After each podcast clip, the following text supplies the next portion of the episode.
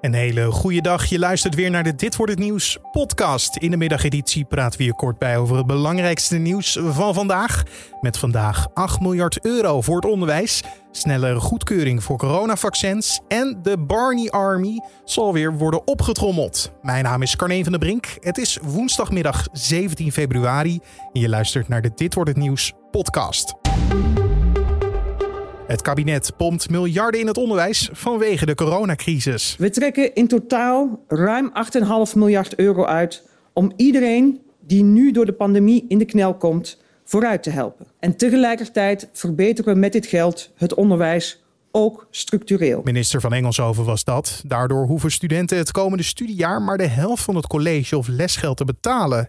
Je hoort minister Slop over de maatregelen. U zult begrijpen dat er met dit nationaal programma alles aan gedaan wordt om de jongste generaties in ons land dezelfde kansen te bieden als de generaties die zonder pandemie naar school gingen en nog zullen gaan. Want de studenten en scholieren hebben dikke achterstanden gekregen door corona. De scholen worden geholpen.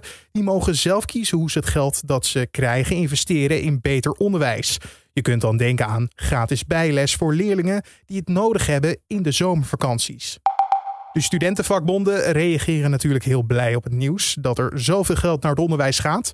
De Landelijke Studentenvakbond vindt het fijn dat studenten nu niet de rekening gaan betalen voor corona en ook een beetje ademruimte krijgen. En ook het LAX is hartstikke blij. Nou, mijn eerste reactie is vooral dat ik heel erg blij mee ben dat het kabinet zo'n groot uh, bedrag nu vrijmaakt voor het onderwijs. Ik denk dat dat echt uh, ook wel wat daadkracht laat zien dat ze dat nu in deze coronapandemie uh, als demotionair kabinet doen. En het interstedelijk studentenoverleg vindt het fantastisch dat het kabinet nu eindelijk snapt dat studievertraging door corona een prijskaartje heeft dat nu betaald wordt.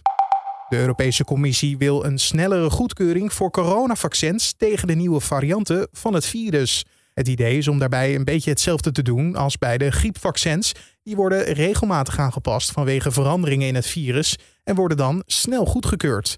Volgens de voorzitter van de Europese Commissie zijn nieuwe varianten in opkomst en moet de EU daar onmiddellijk tegen in actie komen door de ontwikkeling en productie van vaccins tegen deze mutaties op te schalen. 180! Raymond van Barneveld keert definitief terug als professioneel darter. De vijfvoudige wereldkampioen veroverde vandaag een tourkaart bij een kwalificatietoernooi.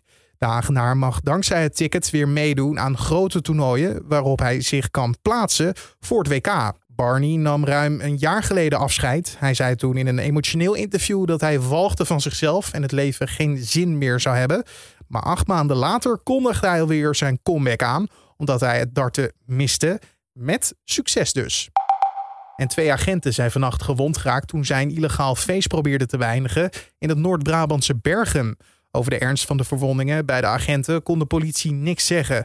Op het illegale feest waren ongeveer tien mensen aanwezig en twee van hen zijn aangehouden. Ook een feestganger is vanwege zijn verwondingen in het ziekenhuis beland. En dan het weer van Weerplaza. Het is een grijze dag met in het noorden en in Limburg nog een buitje. De zon laat zich maar weinig zien en het is 6 tot 12 graden. En daar doen we morgen gewoon nog een graadje bovenop. Vanaf vrijdag ja, kunnen we wel spreken van een soort lente. En om af te sluiten nog even dit. Het is vandaag als woensdag. Deze dag is in de katholieke traditie het begin van de 40 dagen durende vaste tijd. Die loopt tot en met paaszaterdag. Normaal gesproken zet de priester op deze dag met as een kruisje op het voorhoofd van de kerkgangers om hen aan te sporen tot bezinning, boete en bekering. Alleen met corona is dat natuurlijk niet echt handig.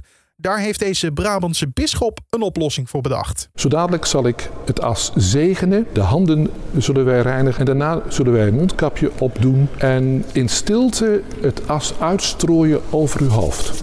Zodat we u niet hoeven aan te raken. Maar dit is niet volgens de traditie. Hoe was dat dan voor de gelovigen? Mooi, eenvoudiger of zo. Het uh, maakte indruk op me. Dus zonder de aanraking, gewoon stof neerdalend op je.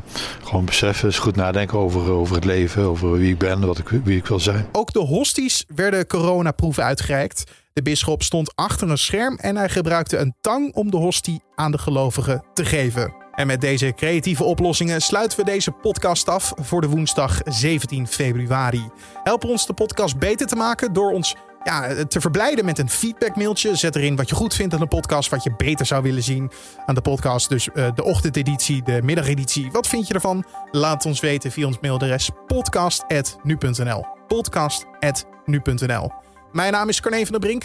Een hele mooie dag en avond. En tot de volgende.